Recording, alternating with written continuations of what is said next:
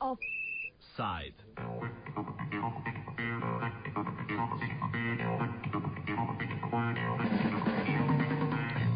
Reforma študentskega dela.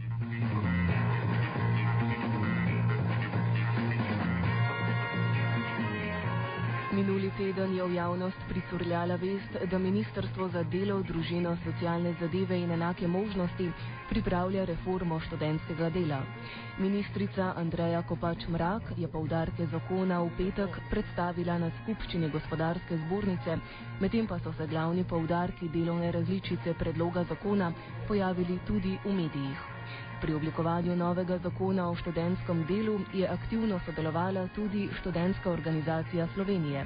Njen predsednik Mitja Urbanc je tako strnil, kakšne spremembe prinaša predlog zakona v primerjavi z veljavno ureditvijo. Razlika bo v tem, da se bo pri trenutnem, uh, oziroma da pri trenutnem upravljanju delo ne teče pokojnin, se ne plačuje prispevke v pokojninsko in invalidsko blagajno, tako um, študent ali dijak tudi nima priznane pokojninske invalidske dobe. Po novem predlogu bo pač predvidena um, za eno upravljeno uro v minimalni urni postavki ena ura pokojninske invalidske, do, invalidske dobe, oziroma zavarovalne dobe. Uh, prav tako po trenutni obliki ni predvidena minimalna urna postavka, nova predlagana um, sprememba bi uvedla minimalno urno postavko v višini 4,5 evrov bruto oziroma 3,8 uh, evra neto. Um, predvi, no, trenutni sistem ne, nima predvidene uh, centralne evidence občasnega in začasnega dela dijakov in pa beleženja um, kompetenc in izkušenj. Uh, nov predlog v bistvu uvaja, da bi lahko skoraj da rekli javno veljavno listino na področju beleženja in pa uvedbo centralne evidence z namenom um, večjega nadzora nad panogo. Um, in pa še trenutni sistem ne predvideva denarne kazni oziroma nikakršne sankcije ni za ugotovljene kršitve.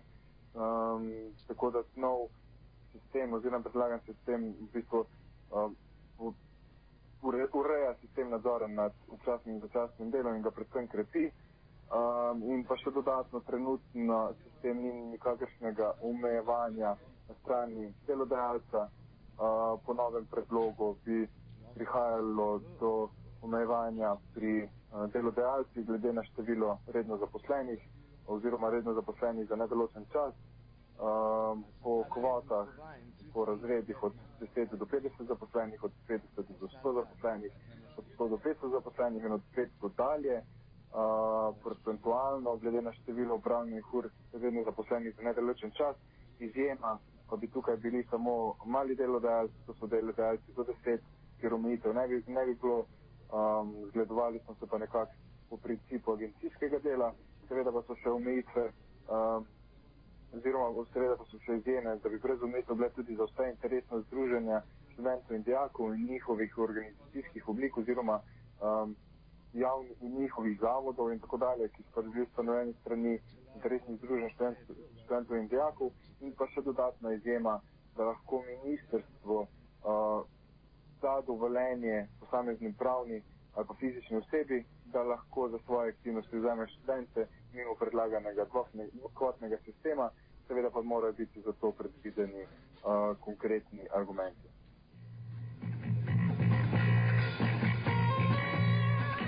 Mnoge postavke predlagane spremenjene zakonodaje študentskega dela so blizu rešitvam iz na referendumu zavrnjenega zakona o malem delu. Temu so študentje med drugim nasprotovali, ker je skušal močno omejiti možnost študentskega dela, to pa se utegne s kvotami, agencijskim modelom in nekaterimi drugimi rešitvami zgoditi tudi s predlaganim zakonom. Definitivno bo v določeni meri um, omejitve na strani delodajalcev tudi vplivali na možnost upravljanja dela študentov, ampak glede na izračune bojo uh, v bistvu omejitve vplivale predvsem na tiste študente, ki nekako izkoriščajo, ali oziroma na tiste delodajalce, ki izkoriščajo uh, študentsko delo na mesto zaposlovanja na, redno obliko oziroma za polni delovni čas. Um, Više v primerjavi med malim delom in pa trenutnimi spremembami študentskega dela je v bistvu kljub navidezni podobnosti v bistvu že v, razlika že v sami osnovi oziroma ideji. Uh, malo delo je uh, vnašalo prekerno obliko dela med vse družbene skupine um, niso bile vezane zgolj na status um, in je v bistvu bila malo delo v tako rekoč grožnja rednim zaposlitvam, kar se je zgodilo v Nemčiji, da so se delodajalci zaradi um, bolj fleksibilne in cenejše delovne sile odločili, da vedno več delavcev vzamejo prek malega dela in tako odpovedujejo redne zaposlitve. Uh, v tem predlogu študentskega dela, ki pa sedaj obravnavan, v bistvu ureja zgolj študentsko in dijaško delo, oziroma včasno delo dijakov in študentov in tako ne vpliva na druge družbene skupine in ne ogroža uh, prekarizacije uh, delovni, že, že obstoječih delovnih uh, razmer. No, v debata o manjem delu so študenti vse skozi podarjali, da obstoječi študentska politika in, in drugi korektivi socialni ne omogočajo študentom pač normalnega študija, da v bistvu potrebujejo študentsko delo kot nek korektiv, da si sploh omogočajo študij kako bo v bistvu iz tega pogleda po vašem vplivala ta sprememba zakonodaje? Um, po našem mnenju bo trenutna ureditev, oziroma po našem mnenju bo ureditev, predlagana ureditev še zgolj dopolnevala formalno izobraževanje, saj predvidevamo skozi uh, sistem beleženja uh, možnost uh, povezovanja formalnega izobraževanja uh, in pa pridobivanja praktičnega uh, znanja mnogo študijskih programov dejansko predvideva študijsko prakso, ki pa se sedaj ni a, sistemsko rejena, skozi formalno beleženje pridobljenih kompetenc iz vrsta dela, v bistvu možnost povezovanja študijske prakse in pa samega občasnega in začasnega dela dijakov in študentov.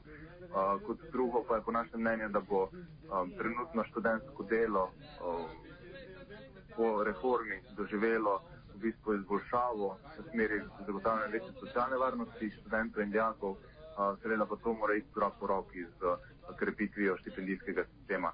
Samo študentsko delo, kot, že, pač, kot je že bilo rečeno, v bistvu neka rešilna bilka dijakov in študentov, da se lahko privršujejo svoj socialni uh, status oziroma socialni položaj in verjamem, da ni v interesu države, um, da se morajo študenti in dijaki posvečati delo za preživetje, ampak je pač njihov primarni status, status dijaka in študenta, torej izobraževanje. Um, in je tukaj tudi naloga države, da zagotovi zadosti sredstva za študente in dijake in nobena reforma študentskega dela tega pač samo sebe ne bo prenesla. Obseg študentskega dela vpliva tudi na financiranje krovne študentske organizacije. Urbanca smo zato vprašali, kako bi predlagana reforma študentskega dela vplivala na delovanje študentske organizacije Slovenije in njenih podsistemov. Če trenutne predlagane procente, torej višine sredstev 4% od koncesijske dejatve namenimo študentskim, študentskim organizacijam oziroma šolstvu, ki potem razdeli sredstva po ključu naprej med študentske organizacije lokalnih skupnosti in pa študentske organizacije univerz, um, bo še vedno nekoliko nižjo financiranje, kot je bilo v letih uh, leta 2011. Um, to je predvsem zaradi upanoge, upade same panoge. Uh, vse skozi pa š, smo se predstavniki ŠOS uh, pri dogovarjanju o spremembah uh, študentskega dela uh, pogovarjali pod predpostavko, da se še vedno uveljavlja zagotovilo, ki nam ga je dal zakon o ravnoteženju javnih financ, torej da se sredstva študentskem organiziranju ne padajo pod 80 odstotkov um, iz leta 2011. V vsakem primeru pa je težko predvidevati, um, kolikšna bo višina sredstev, uh, predvsem zaradi tega, ker pač je odvisno od samega obsega študentskega dela, ki ga pa žal še do zdaj nobeno ni uspelo napovedati. Ob dejstvu, da zametki reforme študentskega dela počasi prihajajo v javnost in da se javna obravnava predloga ni še niti začela, se zainteresirana javnost na predlog zakona še ni odzvala. V Zvezi svobodnih sindikatov Slovenije in študentskem društvu Iskra, na primer, še pripravljajo stališče, so se pa zato toliko bolj burno odzvali v nekaterih manjših študentskih servisih, ki ostro nasprotujajo predlagani reformi. Govorili smo z Mitjo Vilarjem iz študentskega servisa Študent. Zdaj predlagane reforme nimamo v konkretni obliki, ampak je sistem, da preberemo, kaj se bo zgodilo v medijih. Um, običajno je pri vseh reformah štenskega dela zadnjih 20 let tako, da ministri uh, znižajo priznano, uh, priznane stroške agencijam, povečajo stroške štenskega dela in da še kakšne omejitve zraven take, da, da zakomplicirajo stvari. Zdaj, uh, stališče ministrstva za delo je zelo preprosto in to je, da je treba štensko delo izkoreniniti. In jaz bi tukaj predlagal, da nehamo enkrat se posipati s pepelom.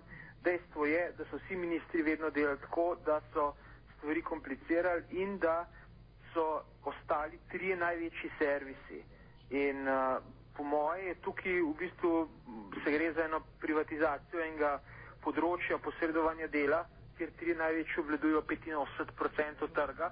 Imamo sicer tudi varoha konkurence, ampak ta v bistvu hodi v službo zgleda za, ga to ne moti, ne? Uh, tudi da eden pre, pre, pokrija več kot 52, ne.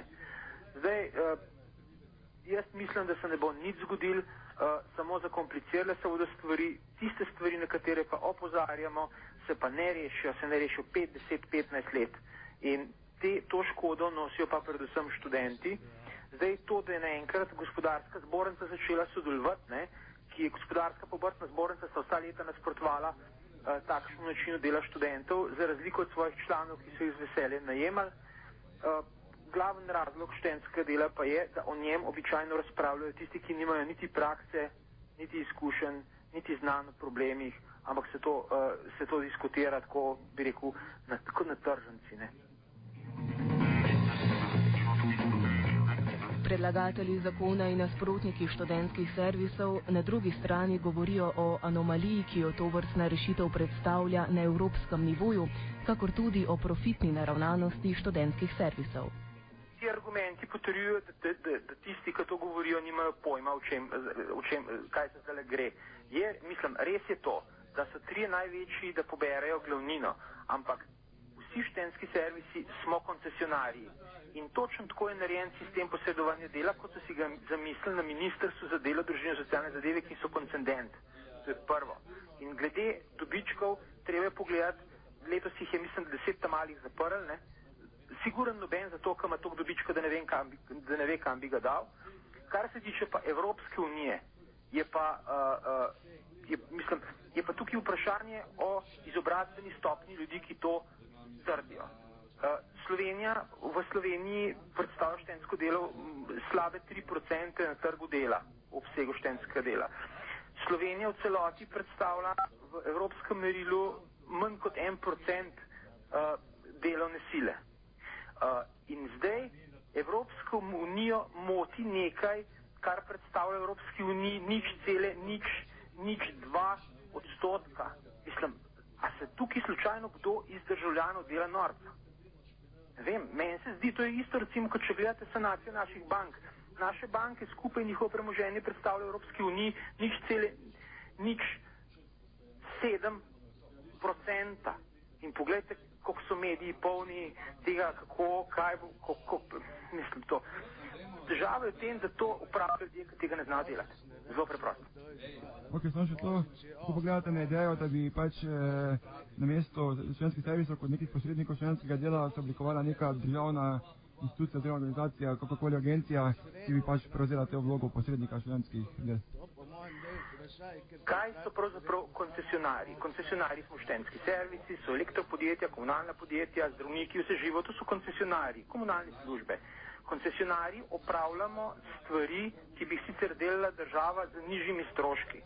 In uh, če pač želijo te stroške povečati, potem ne naredijo tako, da naredijo državno službo. Ampak to bo mogel spet nekdo delati. Ne?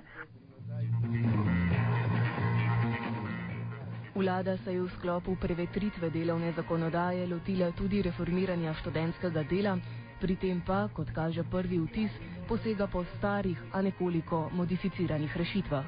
Ti so bile strani študentske populacije res da v drugačni obliki enkrat že zavrnjene, zato oblast in pristojno ministerstvo čaka veliko dela pri prepričevanju javnosti o njihovi smotrnosti in uveljavitvi.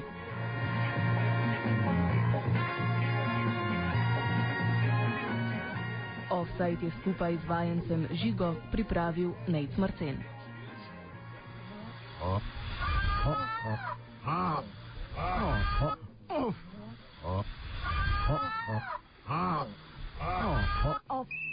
Offside.